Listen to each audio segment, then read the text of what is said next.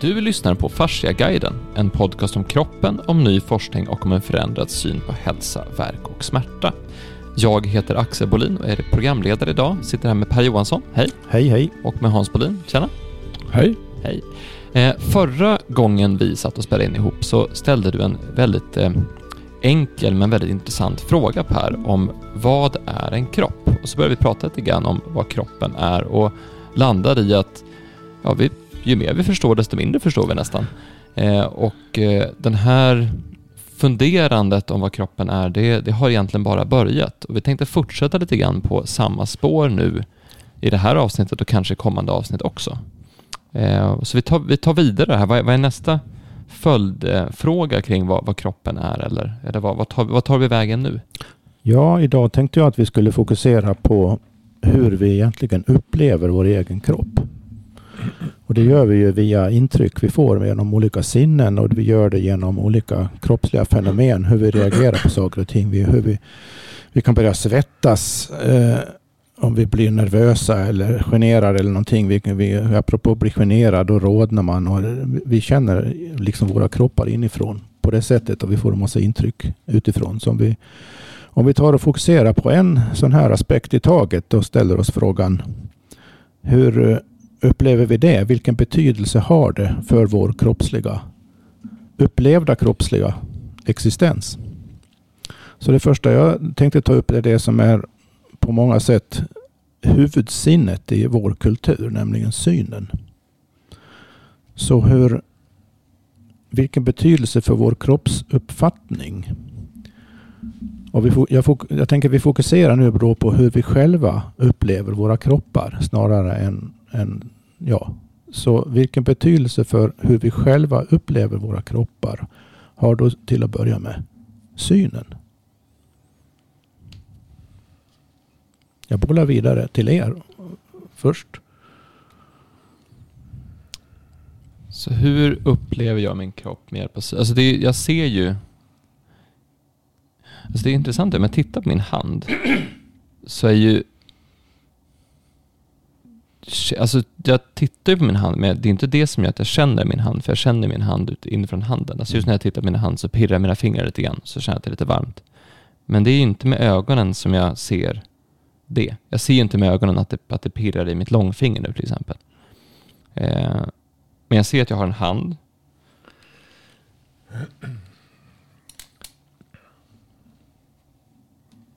Jag, jag, ser, jag ser ju min kropp, det gör jag ju. Och jag ser var, var saker finns. Jag kan ju se om det finns... Det, det, är, en, det är någonstans en ledtråd till att förstå vad jag känner. Jag har till exempel väldigt torra knogar. Eh, jag tvättar mycket händer med barnskötsel och in och ut ur kyla och klimat, väderförändringar och så vidare. Så att knogarna är liksom, de, de gör sig påminda. Eh, och jag kan ju se då att liksom huden på mina knogar är lite, har ett rodnad, så då kan ju någonstans eh, få ytterligare ledtråd och förstärkningar till att jag känner som jag känner. Men egentligen så, så är nog inte synen så den är inte så mycket med min, min upplevelse. Däremot kan jag ju se dig Hans. Jag tror man har lättare för att se andra än att se sig själv. Så det som jag, det som jag tycker är intressant med det man tittar på synen och eh, ser på kroppen så.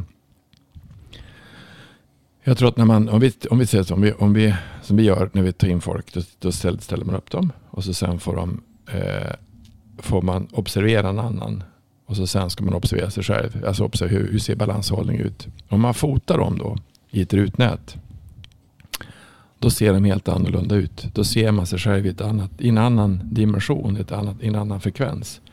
Jag tror att tror det som slog att det, det som tänkte på det är att vi har lättare att se andra och vi har lättare att uppleva andra saker utanför oss än oss själva.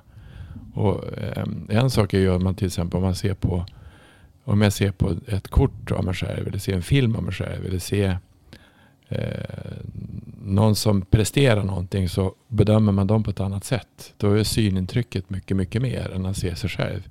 Men att se sig själv till exempel i en film eller en, eh, ja någonting sånt. Det är annorlunda. Ja, man kan till och med reagera så här då om man är ovan vid det. Likadant när man hör sin egen röst.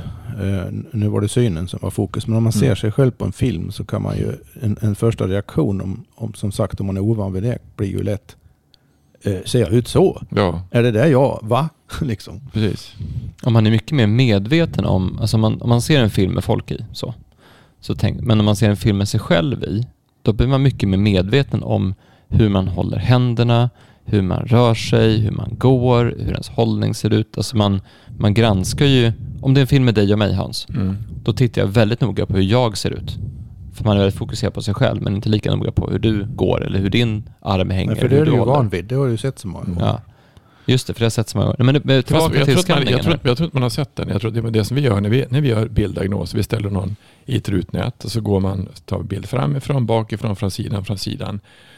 Nästan alla som gör det, vi, jaha, kolla axlarna, är inte riktigt raka. Kolla vilken håll. Jaha, ser jag ut så? Men när du ställer framför en spegel, då ser du aldrig det. Nej, just det. Så att du ser dig själv i, en, i, en, i någonting som du inte observerar. Du, ja men det där är jag. Man ser inte när man blir gammal. Man ser inte att man håller på att bli gammal. Ja, vad rynkig jag blivit. Man, man ser inte sig själv på det sättet. Eh, utan det är först när man får se det själv liksom, som det är i ett, i ett uppställt läge. Man ser hur, hur man egentligen ser ut. Det var som jag kollade kolla på. När jag var i Tyskland så hade man sådana 2005-2014 eh, så tittade, då hade vi tagit fram en bilddiagnos som vi tyckte var ganska enkel. Men, men den var ju enkel. Men det var egentligen man filmar fram, man fotar framifrån, bakifrån, eh, från sidan, från sidan och uppifrån. Och då fick man ju som en, hur ser man, hur rör man sig egentligen? Och då var det ett bolag som heter Deers och de, de eh, hade en bilddiagnos fast den var lite mera på ett annat sätt och mera, eh, ja, lite mer avancerad, mycket mer avancerad. Och då sprang de på ett löpband. Och då, då sa jag, men vad ska man se nu då? För då ser, Ja. du, då ser du en massa, alltså vilket perspektiv ser du kroppen nu? Ser du, ser du kroppen ifrån hela perspektivet? Ser du kroppen ifrån fötterna? Ifrån, ifrån, vad ser du för någonting egentligen? Vad vill du se? Och berodde på om det var en, om det var en, en knäspecialist då, så såg han bara knäna. Var det en fotspecialist så såg den bara foten. Men hur såg man egentligen på hela kroppen? Så jag tror att synen att se på sig själv, den är ehm, det att se, se sig själv i rörelse, se sig själv i ehm, det, det är ganska svårt. Man är inte van att göra det egentligen. Det, det ni båda har pratat om hittills är ju vad man skulle kunna kalla en, en, objek, en objektifierande syn. Syn bokstavligen. Att man tar in omgivningen med hjälp av ögonen. Det är ju inte så ofta man går och tittar, tittar på sin egen kropp. Alltså man tittar sig i spegeln emellanåt. Mm. Och, och ni har gett exempel på när man film och foto som är liksom representationer av en själv då egentligen. Som säger någonting väl, o- om en själv ob- objektivt så att säga, som objekt. Men som sagt, man går inte omkring och tittar på sig själv. När jag går ut och går här nu så går inte jag och tittar ner på mig själv, på mina fötter och mina händer, armar som svänger. Liksom. Utan jag, ser, jag tittar ju hela tiden på omgivningen så att jag inte går in i någonting och, och tar in så synen har ju den här omgivningsrelaterade funktionen väldigt starkt. Det, tycker jag blir väldigt tydligt. Och det är intressant att det är sådana eh, exempel som är det första ni kommer på också. Och som säkert var det första jag skulle kommit på om jag hade fått frågan. Sen finns det andra lite mer subtila sidor av synen också tänker jag. Som vi inte talar så mycket om. Och det säger också någonting om vår kultur. För det finns ju en kvalitativ aspekt i våra synintryck. Om någonting är vackert eller fult. Mm. Olika färgnyanser. Hur olika schatteringar. Tänk så många, otroligt många färger varenda synintryck egentligen innehåller. Och om vi fokuserar på de emotionella, delvis medvetna, delvis omedvetna reaktioner vi har på färger, former, skönt, fult. Så inser vi att synen också har den här väldigt starka kvalitativa aspekten. Men i vår kultur talar vi inte så mycket om det. Utan vi har, vi har, vi har så att säga stängt in den sid, sidan av synen i reservat. Mm. Som vi kallar för konst. Mm. Och när, då ska man, om man tittar på någon, går på en konstutställning, då ska man fokusera på det. Mm. Eller om man går på en konsert. Ja, nu, nu, ska vi, nu blandar jag ihop sinnena här. Eh, synen Mm. är det vi skulle prata om först. Eh, men det, det, tycker jag är ganska intressant. Va? Att, att vi kommer omedelbart att tänka på den här objektiverande sidan av synen som är väldigt viktig. Central del av vad synen mm. är till för så att säga. Och handlar inte så mycket om vår upplevelse av och i oss själva. Utan det handlar om vår, upplev vår position i omgivningen. Det fanns en kille som jag hörde på, på som var på TED. Han, hade, han var totalt färgblind. Alltså han såg bara grått. Inte något mer.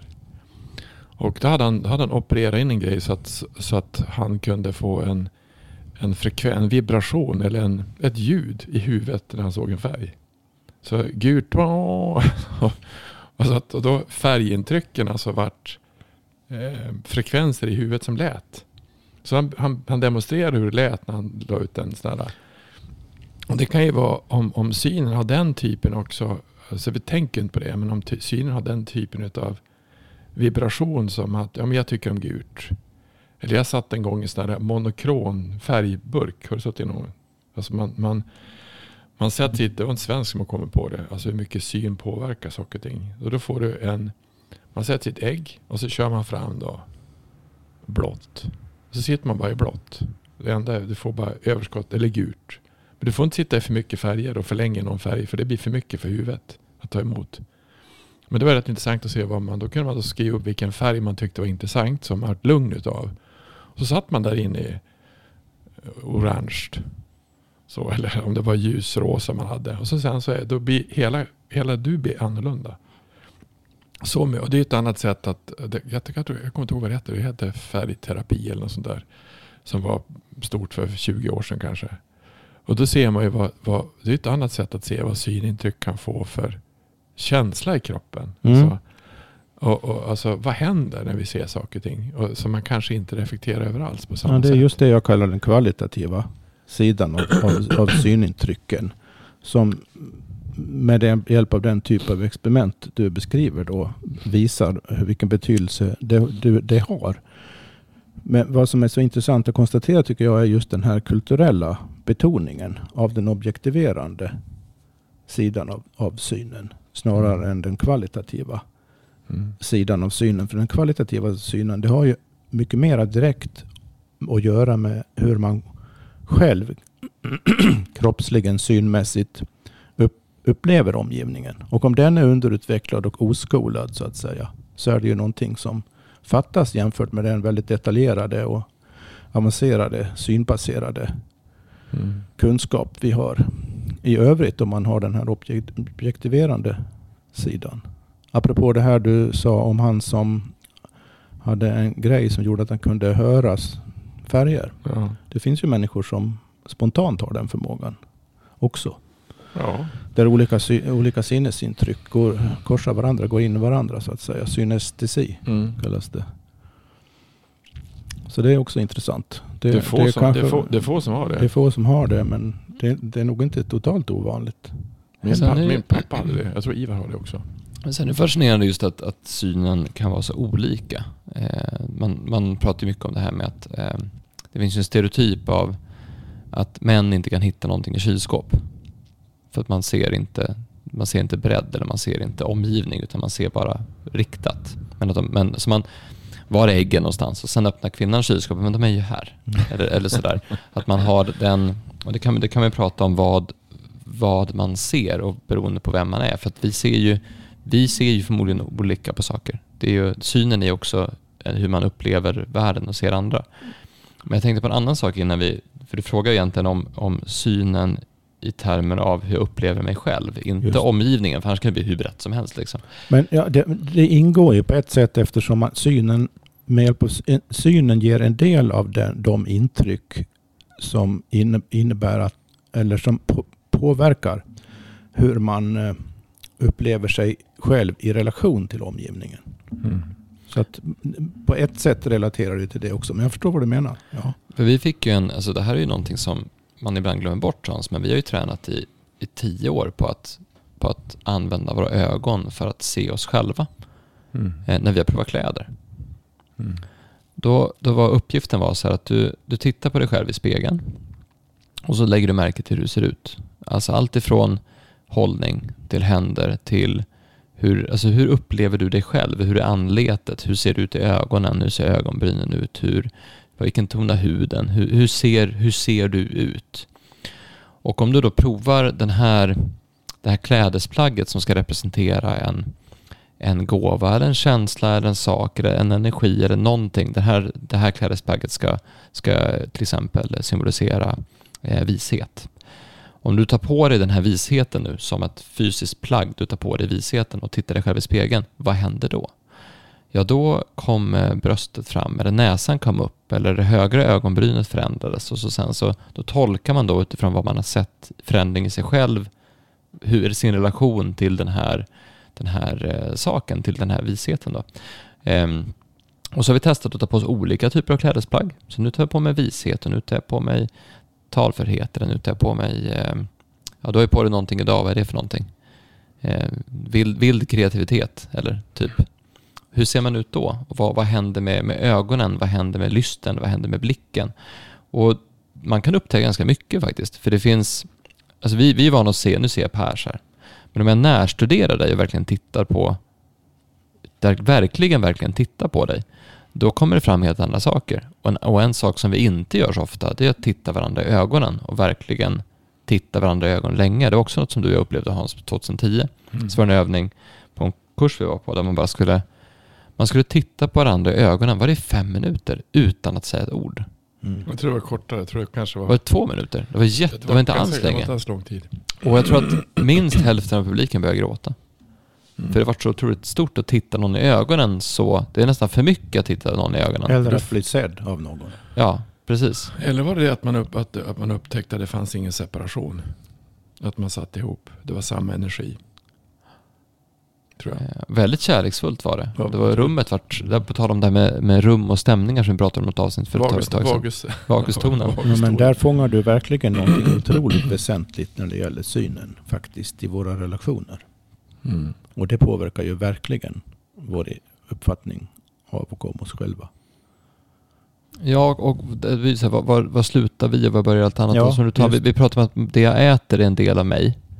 Men man pratar om att man äter med ögat. Och när man ser på, jag tittar på Sveriges Mästerkock en hel del. Och då pratar de mycket om, om ja det var gott men alltså uppläggningen måste du jobba på för det är viktigt med synintrycken. Och då, har de, då pratar de om att det finns alltså studier som visar på att mat smakar olika beroende på uppläggning. Så att uppläggning inte bara för att det ska se fint ut, utan mm. uppläggning påverkar hur du faktiskt, hur maten faktiskt smakar. Mm. Och då har det en direkt påverkan på mig och vem jag är och de beståndsdelar jag får in. Och måltiden är ju väldigt viktig i många traditioner. För att när, när det pratar om att vi ska, eller även i vår tradition, vi ska äta med dem, med dem, eh, med dem vi tycker om och måltiden är viktig. Och då blir synen en viktig del av den aspekten också för att kunna se mig själv i form av den mat jag äter. Men det, det är det här, det blir ju rätt väldigt stort. Men, men, ja, men alltså innebörden, summa summarum så långt om synen är ju att att bara genom att få associationer och tala om det från olika vinklar så här så blir det uppenbart att synen är väldigt långt ifrån bara det här objektiverande organet. Det handlar inte alls bara om positionen i rummet och, och sådana saker. Utan innehåller en massa andra du kan, aspekter. Jag, jag tror att du kan titta på folk så att du kan göra dem. Du kan se på, du kan ge folk energi eller kan du klä av folk. Alltså man kan göra precis tvärtom. Eh, alltså man kan, jag tror att, så jag sa till en kvinna som hade nu problem med en, alltså om tänk på ditt barn Axel. Mm. Hur mycket blir hon sedd? Åh oh, vad gullig hon är. Du filmad och sedd och filmad och sedd och filmad och Det är så vi kommer hit. Att vi blir, alltså tänk dig, tänk dig att du ligger där nere och du fattar att alltså man, man vet inte ens om man har en kropp. Så åker man runt där. Så sen så är det en massa huvuden. Alltså du har en massa leksaker ovanför. Men så är det en massa huvuden som kommer dit och bara ler. Åh vad fin du är. Mm. Det måste ju se ganska konstigt ut. Alltså ifrån hennes perspektiv. Det är en massa stora huvuden som kommer som bara skrattar och ler. Och vad fin du är. Och allting sånt. Och tänk om det är så vi kommer till världen. Eller hur? Ja, det det. Och, det, och det, var en kvinna, det var en kvinna som jag hade som hade, hon hade problem. Hon hade fått en sån konstig förlossning så att barnet hade kommit ut Barnet ska egentligen komma ut i höger rotation som vi sa någon gång. Något, ja. Och nu kom barnet ut vänsterställd så att det var ett problem. Hon gick sönder och det var en traumatisk grej. Och hon hade varit sjuk, alltså dålig hela förlossningen. Och då hade den här pojken hade fått kontaktproblem. Alltså han ville inte bli berörd. Det är ganska intressant. Mm. Och du sa, men det är klart att han vill, men det, har hänt någonting. Så du kan väl göra så här att titta på han och så sen så skickar du kärlek till han. Se på han och se han med kärleksfulla ögon. Ja, men han vill inte bli berörd. Jag, får inte ta i han. Nej, men titta på han och skicka kärlek. Alltså, säg, säg tyst för dig själv. Oj vad jag älskar dig. Och så ser du på han. Men jag får inte göra det. Ja, men du kan ju göra det. Du kan ju skicka iväg. Du kan ju titta på han på det sättet som kanske man gör med små barn. Åh vad fin du är. Och se vad som händer. Och, och se, för du, du, du kommer ju skicka ut en annan energi om du gör det. Du behöver inte säga att du gör det. Jag skulle vilja krama dig för du är så fin. Då kommer du att skicka iväg någonting som är annat än så att jag tror att synen har, man kan göra mycket saker med syn tror jag. Precis. Alltså synen, synen, ögonen är inte alls bara de här sinnesorganen som tar emot intryck som någon sorts optisk sensor. Utan man gör saker med ögonen. Mm. Och det finns ju Mm. tecken på det i, eh, i eh, språk. Alltså, du har ju att man, man äter upp någon med blicken eller om blickar kunde döda. Eller, så att det, det är nog mycket... Eh, men ög, ögon är ju... Ögon är ju häftigt. för Du kan ju också titta. Jag minns så här blixtförälskelse när jag var i, på gymnasiet och så sen så tittade jag in i ett par ögon och bara såg och det bara man föll nästan ihop när man såg de här ögonen. Eh, och och du vet, då, då vågar man inte möta den personens blick längre heller. Så att när du titt, skannar man rummet och så ser man blicken och så ser, tittar man tillbaka och så det som sådär. Och det, det där är ju... Det, det, det, kan, det kan nästan bli som en elektrisk impuls i hela kroppen Ja. av en annan persons blick. Verkligen. På samma sätt som du sa Hans, att man kan, man kan ju eh, förminska dem med blicken. Alltså, det finns ju blickar du kan få som gör att du känner dig fruktansvärt liten. Eh, om du inte är med på det heller. Så att det där ögonen och synen och blicken är nog väldigt viktigt. Men, men frågan är hur mycket det... Men sen ja. den andra som alla den hade, det var ju att man hade, du har ju också olika prismer. Alltså ögat är ju unikt. Alltså alla ögon är också unika. Man har speciell struktur. Och titta, förstorar man den, då har du egentligen, då har du egentligen ett, om du ser rent konstnärligt eller prismamässigt, så har du olika färger som finns. Så förmodligen så kan vi då ta emot saker och ting, men även skicka ut saker och ting i, ett, i, som, som, är annorlunda, som är annorlunda. Så han menar att ögonen kunde man titta på. När man gjorde irisdiagnostik så det fotade ögon och så förstorade upp dem. Så alla ögon är olika. Precis som, det är rätt häftigt. Då har vi olika prismer att skicka ut saker och ting på. Olika prismer att ta emot saker och ting på. Mm, och det är det andra som har visat att, att du i ögat kan se hur olika organ mår. Så du kan titta på, det har varit på en sån undersökning Ja, också, att man ser att ja, men, här är ditt öga och så ser vi att ja, men här finns en störning, det här betyder att förmodligen har problem med, med tjocktarmen. Eller det här är, det är njurarna som är här. Alltså så. På samma sätt som man kan titta på något annat i kroppen så kan man använda ögonen för att se hur folk mår. Och det är Fast också han, men, han menar att det var med, han menade, det, var, det är ju en sätt att göra, men han menar att just prisman, alltså hur Ja, ja. ögat Mm. såg ut, var också hur man egentligen, hur, Två olika sidor av. samma sak. saken. Ja, Mm. precis. Om vi går vidare i undersökningen. Mm. Ett annat sinnesorgan. Ska vi ta hörseln? Vi tar hörseln. Det handlar ju om, om, om ljudintryck då. Vad kan vi göra för iakttagelser om, av det?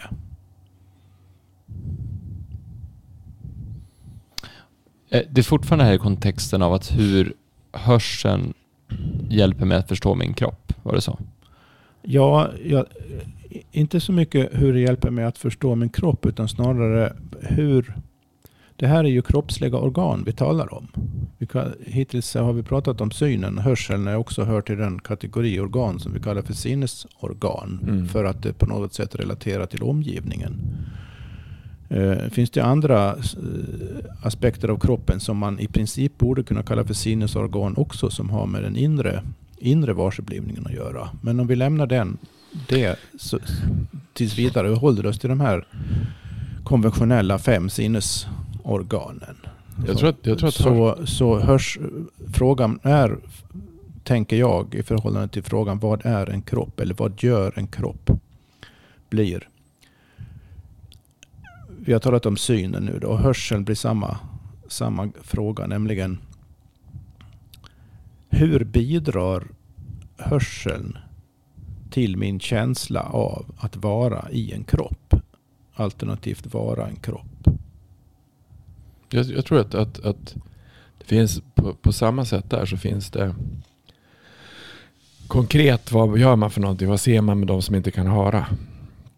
Alltså varför hör du inte? Jag har ju någon kompis med mig som har blivit jättesvår. Som, två stycken som jag känner som hör dåligt. De har jättesvårt att kommunicera. De blir nästan de blir väldigt utanför. Och har de lite påverkad hörsel när de ska gå på till exempel det är brus utanför. Så de blir så trötta efter ett par timmar. De, de kan inte höra någonting. Det blir för mycket. Det är ett sätt att se konkret. Vad kan du höra? Vad kan du förstå? En annan sak som vi hade. Vi hade ju en, det var också 10-15 år sedan. Eh, musikakupunktur. När man hade en massa ploing, alltså massa hörsel. Man, man, vad, hur påverkar olika typer av ljud hela organismen, hela, hela kroppen? Då fanns det en, minns du inte? Jag Su, super feng shui. Jaha, den där ja. ja. Det var ju musikakupunktur. Spel, han har spelat in väst, massa ljud som, han, som hände. Alltså, det var fåglar, och det var kvitter, och det var uh, sådana här zenbuddhistiska klockor och allting enda sammelsorium. Men det, när du låg i de här superfängskin och lyssnade på det här, då var man ju bara var du helt... Det var precis som att blåsa ut en massa saker som fanns som man gick och bar på. För det, du kan inte... Eh, det, det, är svårt att, precis som vi gjorde här, när man är upp händerna, det är svårt att vara, vara, vara ledsen med händerna upp i, i taket. På samma sätt så det är jättesvårt att, eh, om du tänker nu får du ut och åker båt. Och så åker man ut och så hör man fåglarna och så hör man det dutt, dutt, dutt, dutt och så något annat som är. Så då blir man ju, alltså syn, hörselintryck skapar ju saker i kroppen. Eh, men det som Camilla säger, det är svårt att, att kanske förstå hur mycket vi berörs utav det där. Men alltså om jag åker till Skåne så hör jag vilka är det som kommer på våren? Är det svalorna eller vilka är det som far fram och upp och ner? Är det, det är många ju. Många, många, många. Men alltså det, det låter ju så fantastiskt häftigt när man kommer ifrån, när jag första gången jag var till Skåne. Alltså i Norrland har vi ingen vår. Vi har, alltså det, det är vår, sommar. tre dagar. Och så, och så åker man till Skåne. Och där är det ju vår i, det kan ju vara vår i mars, april. Ja, det är ju som om man tar, tänker fåglar, det är så många fåglar som passerar över Skåne och södra Sverige. Många upp mot Norrland ju. När de, de kommer ganska synk, eftersom ja. säsongen är så kort i Norrland så kommer de ganska synkat samtidigt ja, allihopa. Men i södra Sverige så passerar de lite mer gradvis. Alltså. Men då, då, det är så häftigt när man var där ute, jag tror jag var i Tomelilla och spelade golf och så var det så den här enorma kaskaden utav, utav fåglar. Och det är så glatt och det är så trevligt. Och därför, oj, nu är det så, nu är det vår, nu är grejer och allting. Och eh, det berör en ju väldigt mycket. Man, blir, man känns ju otroligt upplyft och fri och häftig. Och nu är det vår igen. Och, om man nu tycker om vår alltså. Vilket min, inte alla gör, men jag tycker om vår. Så jag tror att ljud påverkar oss, eller hörseln påverkar oss mycket, mycket mer än vad vi tror. Men vi kanske inte har ställt in vilka ljud mår jag bra utav? Och vilka, alltså det är ungefär som du sa, alltså, vilka synintryck är bra för mig. Vilka ljud är bra för mig och vilka ljud är inte bra. Eh, tror jag. Mm, eh, jag har ju den här, jag har en väldigt stark relation till musik. För det blir också med hörseln, på hur det påverkar kroppen. För det, eh, musik kan ju få en kropp att man kan, bli, man kan dra ihop sig eller man kan lyftas upp. Eller det, kan, det kan påverka andningen, det kan påverka att man får rysningar, det kan påverka att man, man plötsligt Alltså jag, jag har börjat återupptäcka en sak som jag gjorde för flera år sedan som jag har glömt bort att jag gjort och det är att jag eh, om jag har en dålig morgon, alltså om jag är trött på morgonen när jag vaknar eller liksom det är mycket eller du vet jobbigt och sådär och så sen så börjar dagen med att lyssna på bra musik. Då vänder hela humöret. Då, då blir det en helt annan... Och bra musik, det kan ju vara olika. Det kan vara bra i stunden. Ibland är det Ibland är det pop och ibland är det gammal soul. Ibland kan det vara lite mer åt hårdrockshållet och ibland kan det vara mer... Eh, alltså det finns massa olika varianter. Det spelar inte, inte en stor roll och det, och det varierar. Men just musiken som grej i att förändra en stämning eller förändra en... Och det förändras ju hela kroppen. Att, att det som var segt blir plötsligt pikt. Det som var lite, det som var lite nere blir oftast positivt. Så jag minns att för, för flera år sedan så tog jag fram, bara vilka, vilka fyra, fem låtar får mig alltid på bra humör? Och så hade jag en sån spellista som jag kunde sätta på när jag var på väldigt dåligt humör och så sen så lyfte liksom hela den biten. Och det där eh, det där är direkt någonting som har att göra med just hörseln, men det, det är, lite, det är lite svårt att skilja på det, det blir alltid svårt att separera. Det är svårt att separera syn och hörsel och intryck och känsel och huden och hur det känns i kroppen. För det är ju inte riktigt separerat. Nej, eftersom Oj, ursäkta. Eh, eftersom alltihopa bidrar till ens helhetsupplevelse hela, hela tiden. Eh, men om vi, det är därför jag tycker det är intressant att ta upp de här olika typerna av intryck eh, var för sig. För att då ser man också att man kan betona olika, sin, olika typer av intryck och olika sätt att använda sinnesorganen på olika. Och att det finns en, både en personlig och en kulturell komponent i det där. Det jag tycker, en, en vikt, väldigt viktig aspekt av hörseln som jag brukar tänka det är att den står för närvarokänsla. Det, hörseln placerar en lokalt där man är. Den positionerar en lokalt där man är. Man, det, det, det, är en, det är en mycket mera direkt på alla, alla plan, alltså både liksom registrerande och rent emotionellt, så eh, är hörseln det organ som kanske mest av allt, möjligen beroende på person, men oundvikligen på något sätt positionerar den där, där man är. Det är ett lokalt sinne i väldigt hög grad. Ja, Till skillnad från synen. Ja. Där som för synen, man ser ju, om man inte är extremt närsynt och inte har några glasögon så ser man ju långt. Alltså man kan ju ta in synintryck från flera mil bort mm. om man är i en upphöjd position. Mm. Men bara men, en men, riktning i taget? Bara en riktning i taget ja. Mm. Och hörseln, hörseln då är mycket, mycket mer direkta intryck där man är. Och dessutom 360 grader på alla håll så att mm. säga. Både åt sidorna och uppåt och neråt. Så, så det, det är väldigt det är otroligt viktigt för närvarokänslan. Vilket synen inte är på samma sätt. Mm. Vi var inne på i ett program för länge sedan, eh, jag tror det var när vi pratade om ekologi eller när vi pratade om, om kroppen i allmänhet, att eh, jag berättade om när jag satt på en bar med en, med en vän. Och så sen så, eh, när han var på väg på toa så insåg jag hur mycket ljud det var i rummet. Eh, men när vi satt och pratade med varandra så fokuserade jag på samtalet och hans röst. Men efter han varit iväg och kom tillbaka så fokuserade jag på det samtidigt som jag hörde trafiken utanför, tvn som var på, de andra samtal, klinket av glas, dörren som stängdes och öppnades, musiken som var på i bakgrunden. Alltså hur mycket ljud det var i rummet som man inte tänkte på. Och där är ju eh, dels det här med att, att hörseln faktiskt placerar mig, som du säger, där här och nu är jag och det finns en miljö runt omkring mig och hörseln påverkar den biten. Men också att hörseln är så mycket, mycket mer omfattande och tar in så mycket, mycket mer än vad man är medveten om. Apropå det du sa förra gången om att eh, ingenting undgår kroppen, men att det är väldigt mycket som undgår en själv. Att man är... Det är verkligen så med hörseln. Ja, du hör mycket, mycket mer än du kan inte stänga av hörseln heller. Du kan täppa till öronen så gott det går mm. för att slippa höra saker och ting. Men normalt sett så kan du inte stänga av hörseln. Däremot synen kan du stänga av genom att blunda helt enkelt så stänger du omedelbart av alla, alla synintryck. Mm. Och blundar man förstärks också hörseln. Just det. För blinda så då, tror jag hör mer. skiftar fokus liksom på, i uppmärksamheten. Blinda hör mer. Jag såg en kille som spelade schack på, på jättelänge sedan.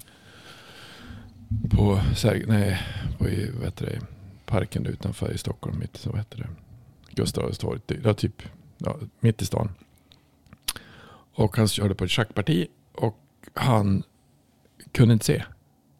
Och det var helt sjukt. Alltså jag fattar inte hur man kan ha ett schackbräde i huvudet.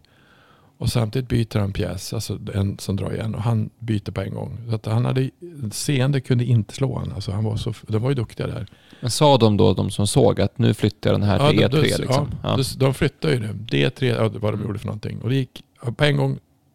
Och de hade så här, så vi stod och kollade på honom i en timme när han slog typ jättefort, snabba partier då. Det var helt fascinerande. Och det, hur kan man utveckla en sån typ av... Det är ju, då har han ju använt hörseln till att få synintryck. Alltså han har ju gjort hörseln till ett, ett annat, som har ers, ers, ersatt syn ja, till hörsel. Det är ju en fråga om koncentration. Ja, jag tror Egentligen. det skulle alltså, om, om, Jag tänker också att det finns en språklig skillnad som är intressant i förhållande till hörseln mellan tre ord, nämligen att höra något, att lyssna, lys, att höra, att lyssna och att lystra. Höra någonting, det är själva registrerandet av ljuden. Jag hörde av en som sysslar med AI, programmering och dylikt. Eller studerade AI för att i förhållande till olika liksom, simulerade sinnesorgan. Han sa att AI hör bättre än någon människa. Det vill säga registrerar ljud mm. bättre. Men han sa också att AI kan också lyssna bättre. Och då, där börjar jag bli lite tveksam. Och det är väl en utvecklingsfråga. För det har ju med då lyssna kan man då i den innebörden man kan lägga i det, det är att det har att göra med att förstå innebörden mm. i begrepp, ord man använder. Och det är möjligt att, att eh, men där, där, vi, där har väl alla erfarenhet vid det här laget av sådana här automatiska röst-AI som man pratar med i telefon. Mm. Att eh, de uppmanar en att säga någon, någon, någonting. Men ibland har de, om man pratar lite sluddrigt så hör de inte. Vill mm. vara vänlig och upprepa. någonting. Mm. Och, och pratar man fel dialekt så kan det också här, hända att de inte hör vad man säger för de är inte tränade på den dialekten. Um, så att det är lite tveksamt om AI kan lyssna. Att AI aldrig kommer att kunna lystra, det är jag helt säker på. För lystra innebär ju att man så att säga verkligen i, på djupet inser och uppfattar den mänskliga meningen och innebörden i någonting som sägs.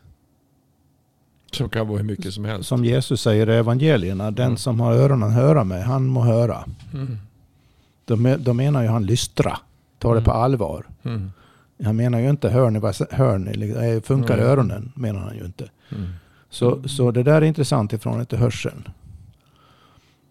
Ja, men så här, låta orden sjunka in eller låta det man hör sjunka in eller förankra det man hör i kroppen. Mm, just. Och, och, då kan vi igen gå in på det här med, om du tar till exempel, du, kan ju, du och jag kan ju lyssna på musik och vi kan lyssna på samma låt samtidigt. Men du kan ju då höra musiken, för du sitter och håller på med någonting annat. Du sitter och pillar med din telefon till exempel. Mm. Eh, du kan också lyssna på musiken, att du, men du hör att de du hör att basen spelar sådär och pianot kör sådär och sången är sådär.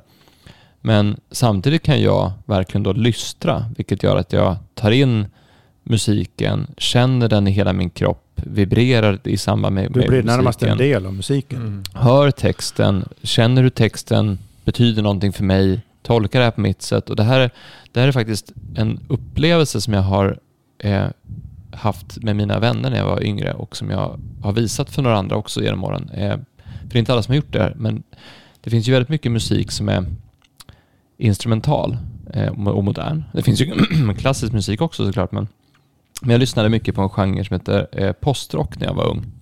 Och det är alltså, genren är att du spelar ungefär samma sak i fyra takter och sen lägger du till en liten förändring.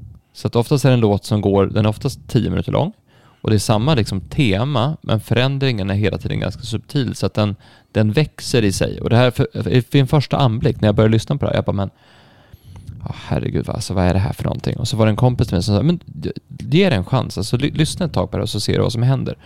Och efter ett tag så blir den musiken otroligt eh, intressant och lugnande, men sen också, det är som att musiken berättar en historia.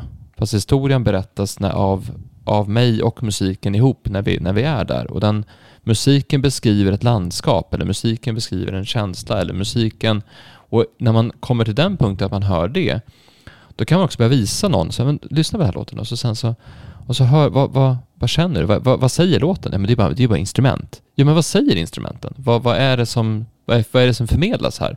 Och då bara, ja, jo, men jag tänker på jag tänker på en sjö. Jaha, vad, vad, vad händer med sjön? Ja, så tänk, och det här, det här funkar på de allra flesta med lite som, som verkligen då försöker lystra.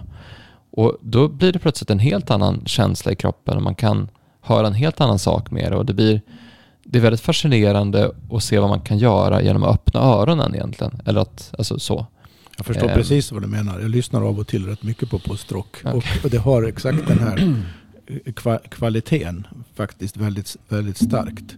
Om man, bara, om, man, om man, bara hör det så, är, så låter det enformigt. Men ja. om man lystrar så uppfattar man alla nyanserna och då uppenbaras de här landskapen du talar om. Det är intressant. Det finns en del annan musik som har den effekten också. Det är ja. olika starkt i olika musikformer det där skulle jag säga. Ja. Han hade, jag var ju med om när, eh, eh, när min systers dotter fick cancer så skulle vi, skulle vi meditera. Alltså, jag skulle meditera på släkten, alltså mina anfäder, hur de var. Det var, bara en sak som vi gjorde. Eh, och, det var, och då var det, det var tre stycken olika, fyra stycken olika melodier jag hade. Och en var att meditera på min morfar, hur han var när han var yngre. Och hur han såg. Det var kort, alltså tre minuter. Och det var ganska intressant hur man kan genom musik få en, en bild av, alltså fundera på hur var han när han var sju eller åtta eller tolv eller femton eller tjugo. Och hur var det när han åkte båt utifrån där han var ute i skärgården. Och att, att, alltså att, att tänka mer på luft och när man ser på Alltså man åker ut och så ser man moln och himla som kommer och så. Och det var ju som musik som fick som... För du, du berättade om det här förra gången, men du berättade om vad du, du berättade om att du gjorde det. Du berättade om vad du insåg och vad du kom fram till. Ja. Men du berättade inte om, om hur du gjorde det. Alltså vad, på vilket sätt använde du musiken då? Det var, alltså det vad var, var det för musik? ja, det var, det var en sån här, eh, lite sån här, um, vad heter han, Evangelis eller något sånt där. Det var lite, lite ny, alltså musik som är mera in, alltså fiolmusik eller alltså det, det är ingen sån här popmusik alls utan mera, men ganska glad upprymd musik eller så. Jag tror att det var fyra olika, fem olika låtar som man hade som man lyssnade på. Eh, och som man då varje dag i ett års tid. Varenda dag, fem minuter. Så, så såg man vad som hände. Och det, det, det var intressant var ju att musiken hjälpte till att hitta lugn, eh, nya bilder. An, alltså hjälpte till att bygga eh, ja, Ja, vis, vis, visuell, visuell Alltså ska bygga om saker och ting. Alltså visuellt bygga om saker och ting i huvudet. Men det har man väl gjort? Att man vill testa på det också? Att musik bygger om eh, hjärn, alltså nervbanor i hjärnan tror jag. Eller någonting sånt. Att det finns en, det finns en du kan med ljud, med ljudterapi bygga nya kopplingar. Det här gör du också som, som musiker när du börjar lära dig musik Mm. så, så, så lär du hur du sätter ihop. För, för musik är ju mycket att koppla ihop höger och vänster hjärnhalva. För du ska utföra någonting samtidigt som du ska känna in någonting. Och därför man menar på att, att alla de här estetiska skolämnena är väldigt bra för just att synka ihop människor så att de blir mer hela, eller hela i sitt sätt att vara på. Att du både, du både känner och gör någonting samtidigt. Alltså om du är, om du är skådespelare till exempel så ska du både vara i en känsla samtidigt som du ska förstå någonting intellektuellt och komplext eller, eller tematiskt. Så man pratar ju om det i alla fall med estetiska ämnen. Ehm, och att man då stärker den kopplingen. Jag tänker, jag tänker att ett sätt att, att summera allt ni har sagt nu det är att, att säga att hörseln är ett oerhört viktigt organ för att i vår upplevelse av vår kroppsliga existens koppla ihop det inre med det yttre. Mm. De, de Det är ett väldigt starkt medierande organ mellan Mm. vår inre upplevelse av att vara de vi är i olika situationer och vad de olika situationerna är i yttre mening. Eller kan bli. Och vi, vårt medvetande och vår koncentration påverkar det, den relationen, inre och yttre, väldigt mycket. Ivar berättade, han hade ett ljud han körde nu, men han, han skulle djupandas, var det inte så? Ja, det kommer från Camilla. Jag tror vi tog upp det i något andningsprogram faktiskt. Men då, då gör han, då gör, han, andas, han andas in med näsan och så sen så mm, och så Man andas hummar ut, när man andas ut. hummar han när han Mm. andas ut. Då skapar du ett ljud i kroppen själv. Det är också ganska intressant. Och ljud är ju de facto en vibration också. Apropå Ja. på det. Så att du hör ju, och det, det är ju någonting som... Frekvenser och vibrationer är allting som jag har ja, För jag fick ju behandling häromdagen också. Eh, med, med maskinen vi har tagit fram. Och det intressanta med den är ju att den låter ju. Och det här ljudet från maskinen är otroligt, eh, alltså efter en tio minuter, ibland efter fem minuter, efter en kvart så nästan somnar man till. Alltså åker, åker iväg någonstans. Så att ljudet i sig kan ha en lugnande effekt på, på kroppen. Alltså ljud i sig gör att vi någonstans och det, det tänker jag på med, med min dotter. Nu har vi en liten, sån här, liten ljudgrej som bara antingen kör sån här vågljud eller, eller sån här white noise där det bara är så här brus. Alltså bara för att det ska vara någonting, någonting ljud. För ljud är ju också väldigt lugnande. Och på samma sätt har vi vaggvisor för barn. Varför har vi det? Och de är oftast inte, det är oftast upprepade. De är ganska tråkiga att sjunga vaggvisor för det är liksom samma hela tiden. Och sen jag har ju då tänkt att ja, jag kör en båtlåt av Robert Broberg, men sen har jag också vävt in lite Beatles och lite Pink Floyd som vaggvisor. och, och då tänkte jag, då har jag kört tre låtar som jag varierar mellan, men då vill jag ha en fjärde för det blir tråkigt för mig att sjunga samma låt precis hela tiden. Och så säger min fru, men nej men så funkar det inte, man måste ha samma låt hela tiden för den ska associeras med sova. Så, så att det är ju... Det är ju Vilken sover hon bättre till då? eh, Wish You Were Here av Pink Floyd. Är det sant? Ja, den, Ja, är- det den, där minns den, jag den från är mina barn också. Att just den En funkar. enda, vi, nej inte just den låten. Jag min, jag kom. I ögonblicket kommer jag inte på vilken låt det var, men det var, det var en En. låt som, det var bara den som funkade. Spelar de något annat så blir de pigga igen. Vi är sponsrade av Fasciaklinikerna. Och Fasciaklinikerna finns därför att jättemånga människor går runt med bland annat ryggvärk och ont i nacken utan att veta att det finns riktigt bra hjälp att få och enkla sätt att hålla sig frisk. Det Fasciaklinikerna har är en riktigt bra behandlingsprocess, en bra kunskap om kroppen, lång erfarenhet av olika typer av besvär, en riktigt bra maskin som eh, behandlar kroppen på ett effektivt och skonsamt sätt och en personal som verkligen brinner för att hjälpa människor. Det häftiga med fasciakliniken är att fasciaklinikerna blir bättre och bättre. Behandlingsmetoden utvecklas hela tiden, man håller sig ajour med ny forskning. Alla som jobbar på fasciaklinikerna lyssnar regelbundet på Fasciaguiden och funderar på vad innebär att få ha en kropp och hur ser till att kroppen blir så bra som möjligt. Så att om du har ont så är fasciaklinikerna för dig. Det är också för dig som vill prestera bättre eller bara må bra i kroppen eller utvecklas med din kropp. Så är du intresserad av att boka behandling så gör du det på fasciaklinikerna.se.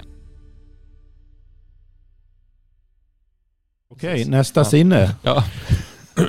Doft, lukt, näsan.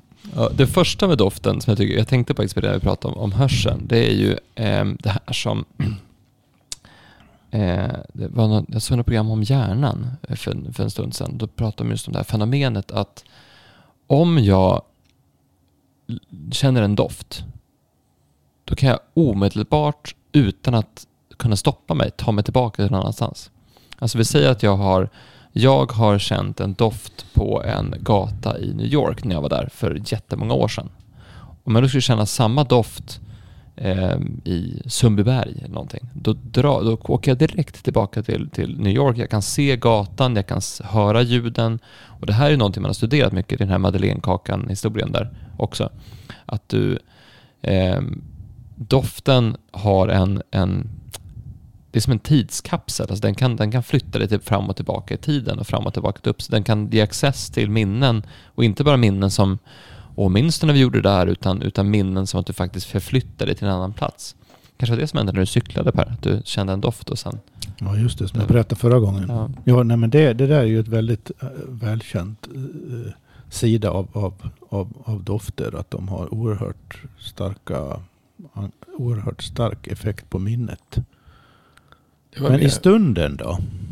Alltså doften varnar ju för fara också. Det är, Mm. den, den starkaste grejen med doft tror jag, det är just att man, man känner lukten av gaser, man känner lukten av, av prutt, eller man känner lukten av så här saker som, som inte är bra. Det, det, det första, du känner ju ofta sen någonting, att någonting är tokigt när Men du du känner ju lika spontant och lika omedelbart eh, när någonting luktar väldigt gott. Så då, Ja. då, då har det en attraherande effekt. att- så alltså do, doften fräsa, är verkligen ja. det kvalitativa sinnet par excellence så att säga. Där, där det är antingen eh, behagligt eller obehagligt på ganska tydliga sätt. Jag hade min, min pappa hade, han hade sån där, jag vet inte om det finns längre, men han hade sån där rak dusch som hette tabak. Det luktar speciellt. Och då, det, det hade jag på min, alltså han var inte hemma så ofta, han jobbade mycket, så hade jag på min kudde. det var- det tycker jag var jättetrevligt att ligga, ligga och lukta på tabak. Men sen så, när jag var 13 började jag röka. Alltså röka cigaretter. Och så rökte jag till jag var typ 39. Och så slutade jag röka.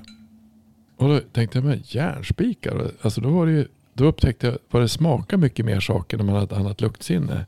Så började, men maten smakar annorlunda. Och, eh, jag tror jag var på en sån där, ja, en kompis med som, som bjöd på sån där maltwhisky som jag aldrig, alltså jag aldrig smakat. Alltså det var häftigt vad smak är och vad, vad, vad mycket mer man kan känna om man, om man har ett luktsinne. Så att egentligen hade jag nog, alltså när man röker så har man inte så, man känner inte så mycket. Alltså så smakmässigt. För man har ju bedövat med, med cigaretter. Ja, lukten förstärker väldigt mycket. Ja det Alltså gör den, den förstärker... För jag, jag tänkte direkt på, på det här när du sa med positiva dofter så tänker jag på ehm, när man fräser vitlök i olivolja. För det är en sån här doft som väldigt snabbt sprider sig i ett helt rum och så luktar det väldigt liksom Mm. gott. Eller det kan vara, när man vrider en pepparkvarn, det kan också en doft som sprider. Alltså det finns vissa, vissa saker som verkligen kommer fram till matlagning och så sen så känns det över hela eh, rummet. Och, så sen så, det blir ju direkt en, en stämning i kroppen också när man känner en viss typ av doft. Alltså det, påverkar, det påverkar alla sinnen. Så, att, så att det förstärker ju, det, det har en förstärkande effekt, lukten. Men, Mm. har en, men vad har det med för Alltså jag tror att det, de har, ju- de har ju, det finns ju mycket nu. Eh, så det finns det inte mycket. Men, men eteriska oljor, alltså man tar någonting som man utvinner ifrån. något. Man kan ta eh, tallbarr, man kan ta pepparrot, man kan ta vad som helst. Och sen så värmer man upp det så man får molekylerna som är ifrån vatten är en sak. Och så cellulosa är en annan sak som finns. Sen finns det det som är kvar i, i växten. Och den är te- eterisk olja. Och det kan man, de säger att om man har sån här eh, doft, alltså som med, med vatten och vattenånga. Så lägger man eterisk olja där så det börjar dofta så kan man ju påverka otroligt mycket i kroppen. Alltså med, med bara doft. Eh, alltså läkande effekter på kroppen. Ja, man hade ju alltså, rökelse och sådana saker i, i, eh, I, förr ja, på ett annat sätt. Så att jag Ja, tror doften... Det finns ju det är få saker som höjer atmosfären eller sänker atmosfären så mycket som Doft. doft och lukt. Alltså bokstavligen atmosfären. Mm. Eh, och både, både alltså den fysiska atmosfären och, och eh, atmosfären i mera subtil emotionell bemärkelse. Det gör ju för sig de andra sinnena också. Både synen och hörseln bidrar ju också till den här subtila atmosfären på en plats i ett rum. Det som är gemensamt också för doftsinnet och hörseln är ju att även, även doftsinnet har en väldigt stark eh, närvaroprägel här och nu prägel. På det sättet förstärker doft och hörsel varandra i, i upplevelsen av att vara här nu Mm. kroppsligen. Med allt vad det innebär.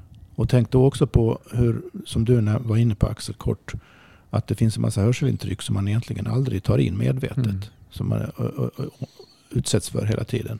Så är det med doft också. Det finns ju väldigt många dofter som man egentligen inte riktigt uppfattar. Men som på okända vis påverkar en i alla fall. Subliminalt som man brukar säga. Mm. Och det bidrar också till atmosfären i ett rum. Och säkert är det en faktor i hur vi intuitivt uppfattar varandra. Att, att vi utsänder dofter som har med vår, vår, hur vi är att göra som personer, vårt känslotillstånd och allt möjligt. Så utsätter vi, utsänder vi dofter som uppfattas omedvetet Mm. av andra och bidrar till det här intuitiva första omedelbara intrycket man kan få. Ja, det är ju, vi, vi, attraheras ju av doft. Eh, det är jätte... Men vi stöts också bort. Ja, Nej, men så jag tänkte i val av partner så är doften väldigt viktig. Då är den oerhört viktig. Och det är ju det är ju någonting som man har, det finns två stycken saker som man har infört framförallt mer på senare år, mycket mer slentrian än man har gjort tidigare, ehm, som påverkar det här. För då har man sett också att, att eh, parfym, när man ska ut och dejta, är egentligen ganska dumt. Därför då doftar du en parfym istället för din naturliga doft. Mm. Och då kan du attraheras av fel person på grund av parfymen. Och så sen så slutar det med att du, du är tillsammans med fel person och så upptäcker du det först efteråt för att du hade fel typ av doft. Det var ena biten. Du måste Ehm. alltid ha den parfymen, annars tror jag Ja, inte... Ja, precis. Och den andra saken var att, eh, eh, det hörde jag jag har inte hunnit bekräfta det, men jag fick höra det igår bara.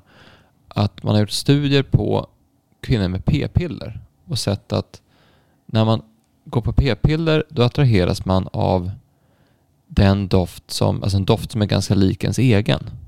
Men när man inte har p-piller då attraheras man av en doft som är motsatt.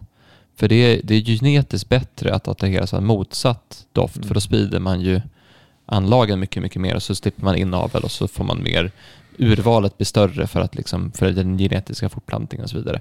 Men att, men att p-piller då påverkar det här eh, eh, vilken doft man attraheras av. Mhm. Eh, och det är också lite spännande. Och jag, jag tror Cayenne var inne på det också någon gång, att, att man, är, man känner doft på olika sätt om man har eh, mens eller man har ägglossning. Eller om man är någonstans mitt emellan. Så att även psyken, alltså doft, doften förändras beroende på var du är i, i eh, den biten. Och du, du, du, förmodligen olika delar i olika delar av livet också. Jag menar, eh, vissa dofter som, som jag skulle tycka var ganska äckliga förr i tiden kan jag nu uppskatta. Eh, som blöjbytesdoften liksom.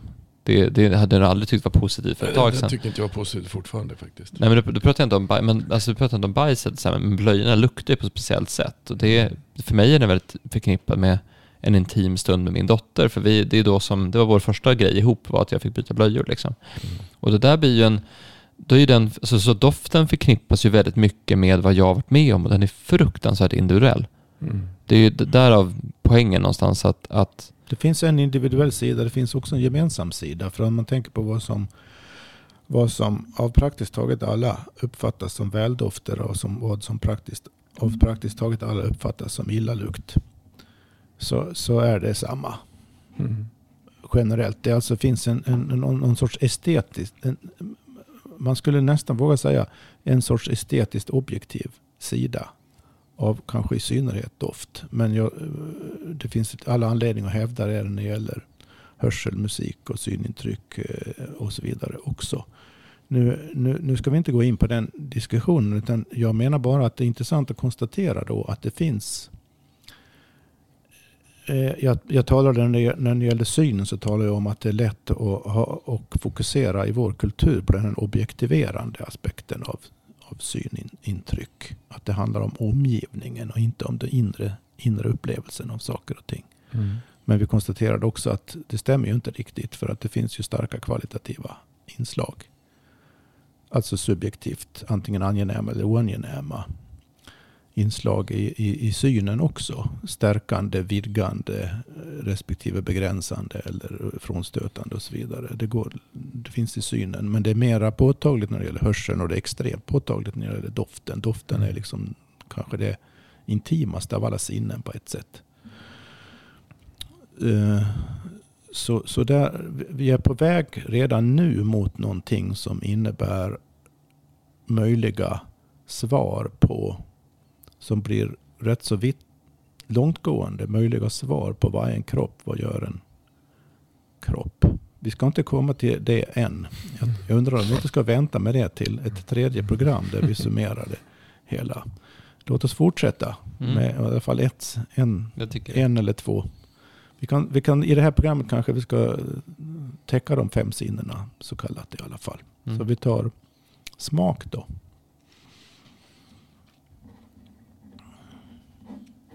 Vad det har för innebörder i relation till frågan. Vad är det att ha en kropp, vara i en kropp eller vara i en kropp. Hur man nu vill konceptualisera det för sig själv. Alltså, jag undrar om det går mer, Ja. mer på, alltså på njutningsspåret än på... För att du kan ju faktiskt äta saker utan smak. Alltså du kan ju överleva du kan ju överleva utan smak. Alltså jag funderar på det, man brukar ofta, som när man var barn så lekte man ofta med man, om du blev av med ett sinne, vilket skulle du bli av med då? Så här så. Och, och synen eller hörseln, för du får välja, vill du vara blind eller döv? Och det är en typ sån här barnlek liksom. Um, och, och lukt, alltså, men om man tar smak, jag tror att smak är nog det sinne man skulle klara sig bäst utan på ett sätt. Men alltså för överlevnads skull. Men det skulle vara fruktansvärt tråkigt. Ja, om man, om man tar smak i strikt mening då med Ja. sött, salt, surt, beskt och, och, och så vidare. Det, då, mm. För det påverkar upplevelsen av mat. Men sen är det det här som vi tar med, med eh, jag tänkte säga det på, på doftbiten, men det hänger lika mycket upp med smaken egentligen. Jag har varit på, dels var jag på whiskyprovning en gång och sen har jag varit på, det har jag berättat om, och sen var jag på, eh, gick en halv termin så här vinkurs. Men sen hoppade vi av för att det var så mycket vin vi började dricka så vi klarade inte av det. Vi, vi kunde inte hänga med i den där kursen, bara jag, bara jag och min fru. Det var sex flaskor vin man skulle prova varje gång. Det var, det, det var, ohållbart. Ehm, både ekonomiskt och på andra faktorer. Men då pratar vi ofta om att alltså, hur mycket eh, man tog då ett glas vin och så ska man först lukta på det och så ska man identifiera alla dofter. Och det är ju, alltså i ett vin så kan det vara 16, 17, 18 olika dofter. Och du kan verkligen känna dem och träna upp att känna dem att ah, men här är det vanilj eller smör eller, eller fläder eller päron eller äpple. Eller, och då finns det olika kategorier. Att det finns de här fruktiga tonerna, sen finns det de här ekiga tonerna och sen finns det de här mer, eh, ja men det finns massa olika toner både i smak och doft av, av vin. Så det är väldigt omfattande och det är ett sinne du verkligen kan träna upp. Och det vet ju alla som är, håller på med matlagning hur viktigt det är att börja balans, balansera de här. Men jo, men jo, för sig, det som är intressant med, med smaken är ju förhållandet till mat och mat är ganska viktigt. För det, det som vi, vi har en liten tes som vi driver och det är att eh, svenskar generellt har en ganska underutvecklad smak. Alltså svenskar vet inte hur mat egentligen ska smaka. Eh, för då pratar man om det här med råvaror. Att om du, om du går till, till Ica och köper en paprika och så sen så går du till, till eh, vi går ner på Malmvägen på torget här där det faktiskt är folk som verkligen bryr sig om eh, att råvarorna är av riktigt, riktigt bra kvalitet och så köper man en paprika där och så jämför man smaken på de här två så är det två helt olika råvaror. Det är till och med så att eh, jag träffade en kock som han har en restaurang uppe i, eller hade en restaurang uppe i Jämtland som heter Fäviken som var så att mitt ute i ingenstans uppe i Jämtland så har han en restaurang som var rankad topp 20 i världen. Så det flög, när vi var där för var det folk där från Korea och USA. De hade flugit till liksom flugit till Östersund, flugit till Stockholm, flugit till Östersund och sen åkt bil ut till den här lilla hålan en timme. Ehm, och jag frågade, men varför öppnar du restaurang här?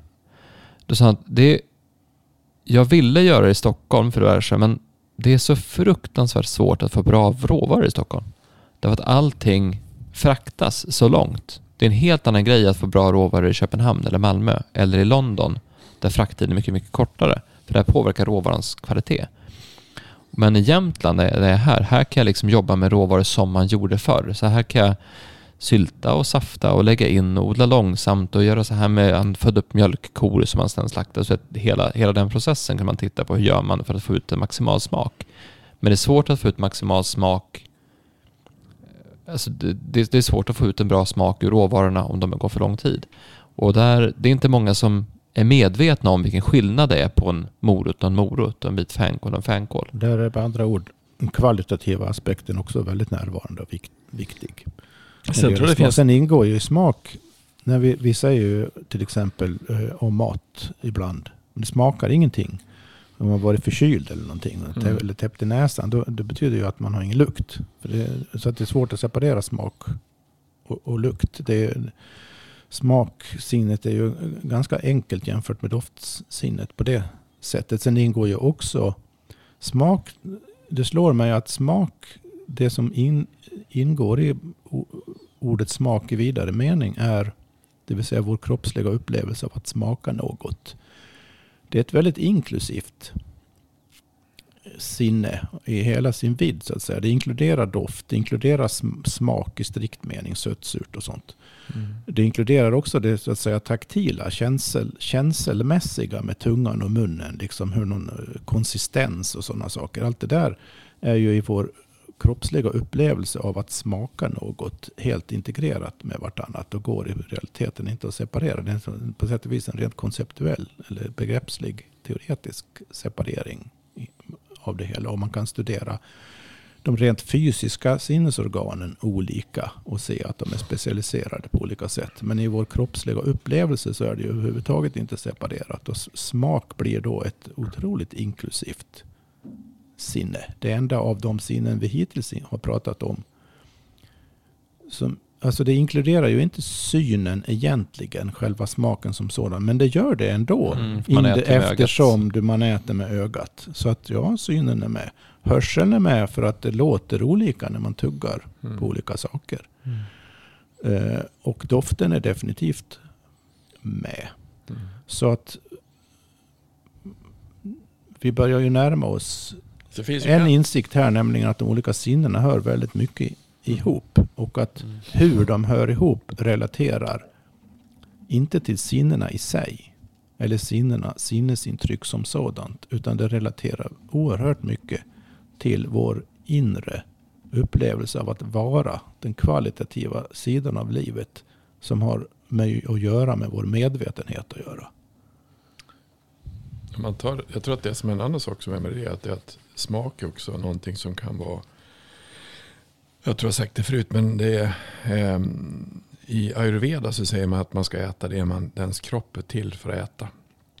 Att man ska, man ska titta på näring, inte som näring, inte som energi, utan vilken energi och vilken näring och vilken, vilken typ av eh, sammankost ska du egentligen ha? Och det häftiga är ju, nu har inte vi den traditionen i Sverige, men jag fick ju, eh, Anna Skipper höll på med sånt där. Och hon lagade mat åt oss några gånger. Och då fick man, då lagade hon olika mat åt mig och Lotta.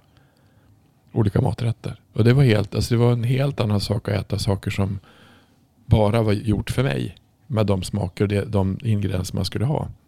Eh, och då menar jag att man, man ska ha, äta mat utifrån vilken typ av en, alltså, en nervsystem du har. Eh, och då får ju maten, då får ju mat, då blir det ju smak men det är också näring. Men då blir maten en, en annan effekt i kroppen. Då påverkar det energin i kroppen på ett annat sätt än, än, än om man inte skulle ta eh, hänsyn till det. Som, som jag tror att smak kan ju vara det kan, smak kan ju vara anpassad för dig. Mm. Eller one size fits all. Det som man gör. Därför är de här olika köken som finns. Det är ganska intressant att säga hur många kök vi har fått i Sverige nu. Jämfört med som fanns mm. för 30 år sedan. Jag kommer ihåg när hamburgare kom och pizza kom. Det fanns ju inte ja, då. Det fanns ju inte överhuvudtaget. Nej, så bara det har ju utvecklats urskiljningsförmåga. Potatis ska vara så pappa. Få ge mig potatis. Potatis och något annat. Eller som det var hemma hos mamma, alltså, farm, alltså mormor och morfar. Det var ju fisk och potatis. Det var det enda de åt. Mm. Så det har ju hänt mycket på smaksidan ändå. Men det är intressant också för att vi pratar om smak men det finns ju starkt samband mellan näring och smak. Alltså en näringsrik mat är, smakar mycket, mycket mer. Ja. Um, så att smaken kanske sitter, kanske näringen vi känner av i smaken. Är det som du pratade om de här eteriska oljor så det är ju en koncentration där det är väldigt hög del av, av det mm. som ämnet är och en liten del av vatten och, och cellulose i det här fallet. Då. Och samma sak är det som vi pratar med mat idag, att, att har du en hög näringstäthet så är det, är det, smakar det mer. Men, men de, när man pratar om att mat inte har lika mycket näring idag så, så smakar den också mindre.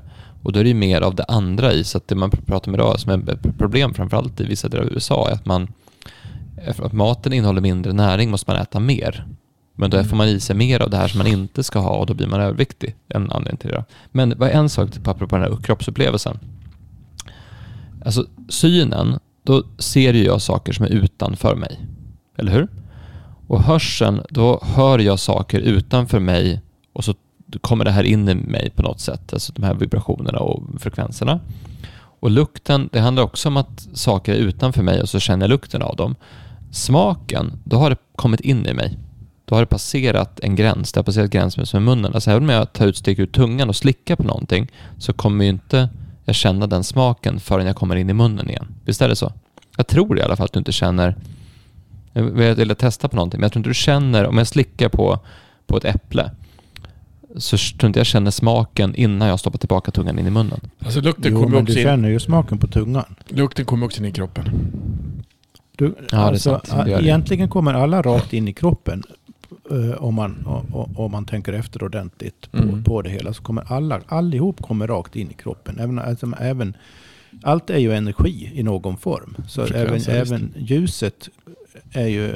Mm. Man kan ju få ont i ögonen av för starkt ljus till mm. exempel. Vilket vi påvisar väldigt påtagligt att ljus är inte bara synintrycken. Mm. Eller, eller synen handlar inte bara om, om synintrycken utan även Okej, då, det, då sprack, då sprack min tes. Det är en fysisk relation. Alla ju, det som är gemensamt är att allihopa är relationella. Ja, det är sant. Så, så, så redan, redan vid det här laget kan vi därför konstatera att, att, att vad är, vi är på väg mot ett, mot ett intressanta svar på vad är en kropp. Att vara en kropp innebär att stå i relation till saker och ting.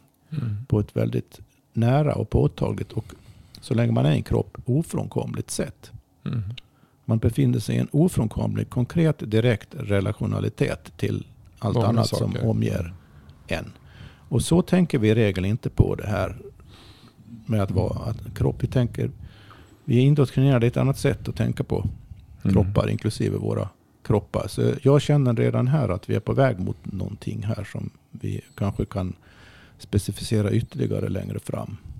Men det är intressant för att rent, alltså när, vi, när vi lär oss om det, rent teoretiskt, då separerar vi på det.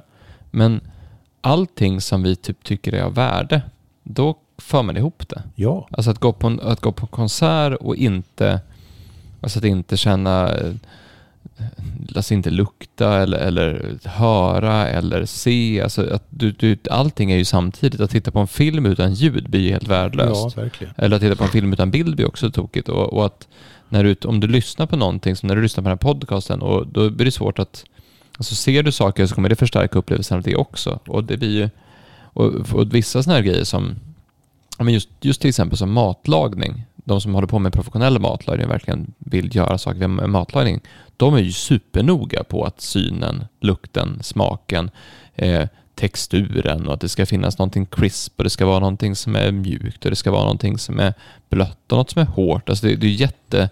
Det är, det är som små konstverk idag med matlagning. Där är man jätte jättemed på att hur viktigt det är att allting kopplas ihop. Men då är det någon form av... Det är ju inte samma typ av status vetenskapsmässigt egentligen som när man separerat och tittar på, på eh, synnerven. Liksom.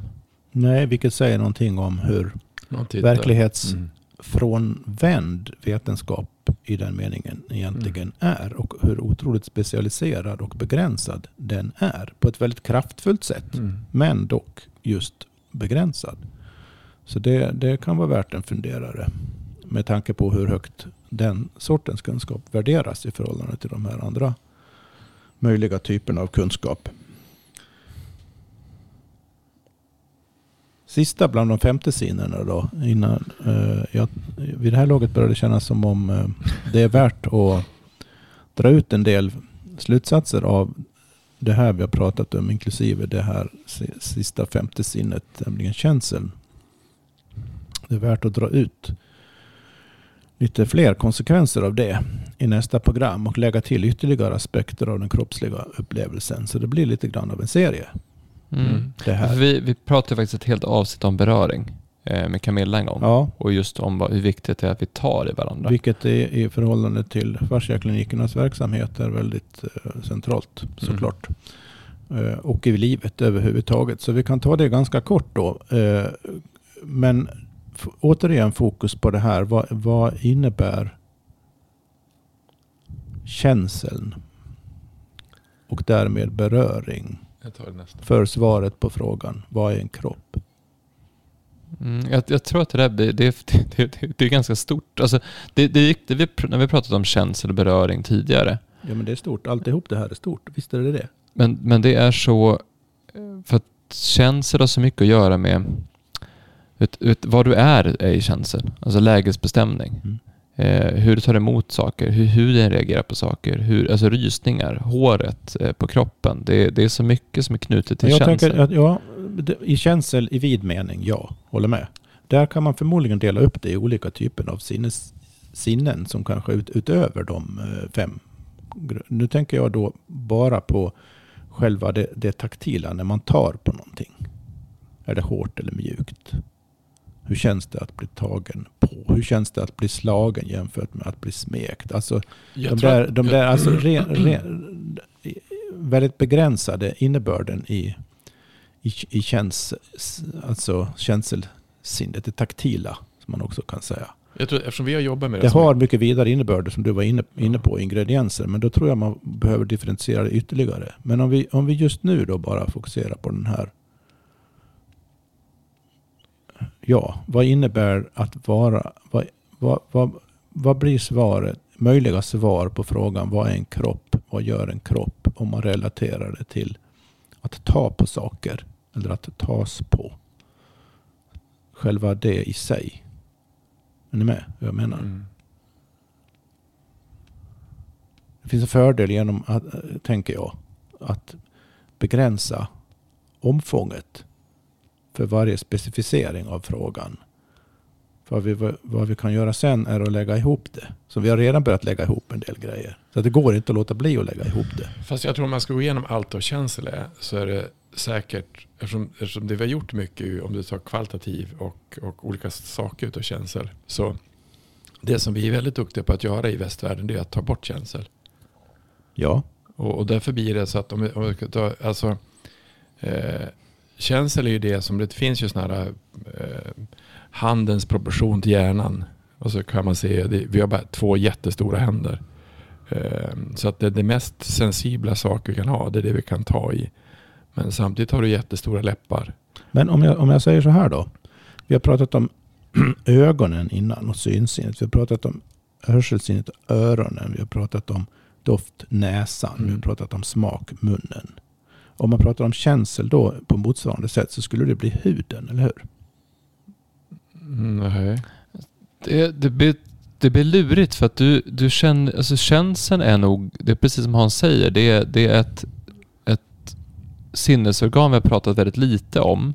Ja, men jag tror vad, vad, jag, vad jag är ute efter och, jag, och som kräver ett helt program i sig, det är att det vi sammanfattar under ordet känsel, alla de in- intryck som hör hemma under det ordet, är flera olika sinnen.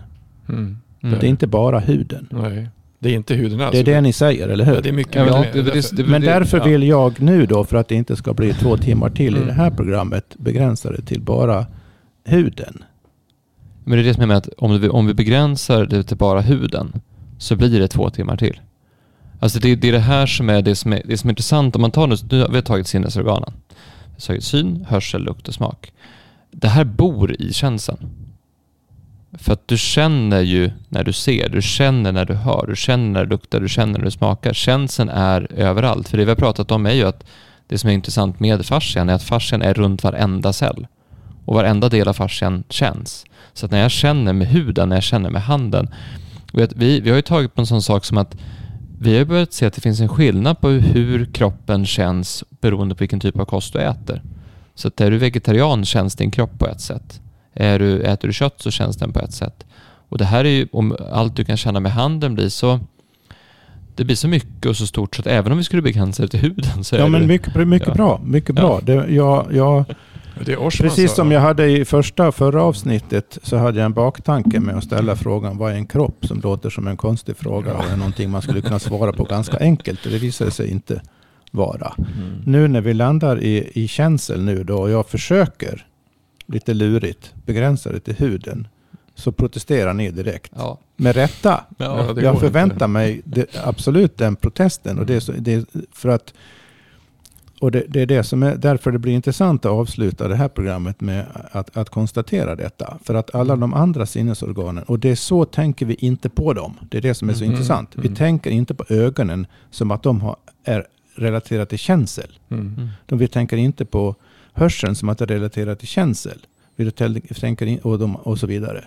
Men fick Vi vet, fastän vi vet att man kan få ont i ögonen av starkt ljus, fastän vi vet att man får ont i öronen av starkt höga ljud, Mm. fastän vi vet att vissa dofter är så obehagliga så att man, kroppen in, instinktivt omedelbart ryggar tillbaka ammoniak till exempel. Fastän vi vet de här sakerna så tänker vi inte på de sinnena som om Mm. de var lika intima Mm. Mm. som huden, känseln. Fast det är alltså aspekter av Men visst fick han, något Nobel, mera grundläggande visst fick han Nobelpris nu för att på han sätt och vis sagt är just känsel. visst fick han Nobelpris nu för att, att, att han kom på att, att eh, starka kryddor var en smärtreceptor. Så att äter du stark mat då får du ont. Och det, är- det, så att mat, alltså det man säger som ett, att, att, att äta eh, chili, det är alltså en upplevelse av smärta. Ja, det, Det- det, det- vet det- alla som har ätit riktigt stark chili. Att Ja, men det, det känns då- då verkligen så. då, då, är det, då har du fått ihop, då har du fått ihop eh, smak och känsel. Där, det är därför det här med fysisk terapi så kallad Mm. blir så oerhört intressant Mm. i förhållande till vår upplevelse att vara, vara i en, en kropp eller vara en Mm. kropp. Och svaret på frågan vad är en kropp?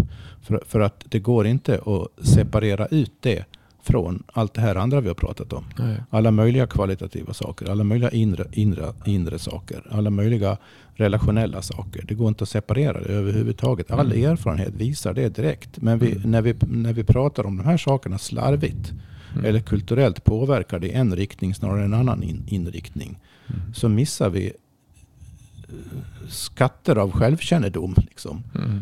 som, som, som vi inte skulle behöva missa. Men därför blir det, det är så intressant för vi, har, vi ser att man har fem, fem sinnen liksom. Men det, det stämmer inte riktigt. Nej, det är en Därför att, artificiell... ja, därför det som är grejen är att, att vi pratar om som den barnsliga frågan då. Du kan ju bli av med synen. Du kan bli av med hörseln. Du kan bli av med lukten och du kan bli av med smaken. Du kan inte bli av med känseln. Det går inte. Nej. För blir du av med känslan så dör du. Ja, exakt. För att känslan är... Du kan inte bli av med känslan. Visst, du kan känna mindre när du tar i saker. Och du kan, du kan få en, en avdomning av sådär. Men, Mm. men eftersom känslan är både inuti och utanpå. Mm. Känslan är hur din kropp upplevs och förnims och känns inifrån. Mm. Så att även om du är totalt paralyserad så känner du fortfarande. Därför att när jag, när jag hör någonting, Men han, vänta, den här, alltså, du sa en sak, men, kan, men han den här, eh, han, han, som hade, han som bara kunde prata med en maskin till slut, Hawkins, Hawkins. han känner ju fortfarande saker. Gjorde han det? Men det, det, det är klart att han gör, för att det är det med att definitionen av känsel är ju den som blir smal. Mm. Men om vi säger att jag hör någonting nu, Mm. ja, då ryser jag. Eller jag hör Ja, ja, någonting nu, alltså, då bultar mitt hjärta snabbare. Det är ju en, en direkt effekt av hur det här känns. Mm. Det är ju känseln. Det är, känsel är ju inte begränsat till att jag tar Nej. på någonting hårt och så är det Nej, någonting. såklart Nej. inte. Och känslan är ju att, att det kommer en vind som rör min hud. Mm. Känslan är ju, och det här blir ju, alltså nervsystemet är ju känseln. Fascian är ju känseln. Det är ju Mm. signalerna, de elektriska signalerna, Mm. allt som händer i kroppen. Och du kommer inte ifrån känseln. Därför känseln, och just det, det här blir intressant. Synen är knuten till ögonen, precis som du sa. Hörseln är knuten till örat, lukten är till näsan, smaken är till munnen. Men känseln är knuten till hela kroppen. Ja, inklusive de andra, de Yes. här fyra Mm, sinnesorganen. Och bara det demonstrerar direkt att det här med så kallade sinnesorgan är är, är väldigt annorlunda Mm. än i den här enkla Mm. uppdelningen som går tillbaka till Aristoteles Mm. Mm. säger. Mm. Så låt oss prata om känsel i nästa avsnitt helt enkelt. Det blir bra.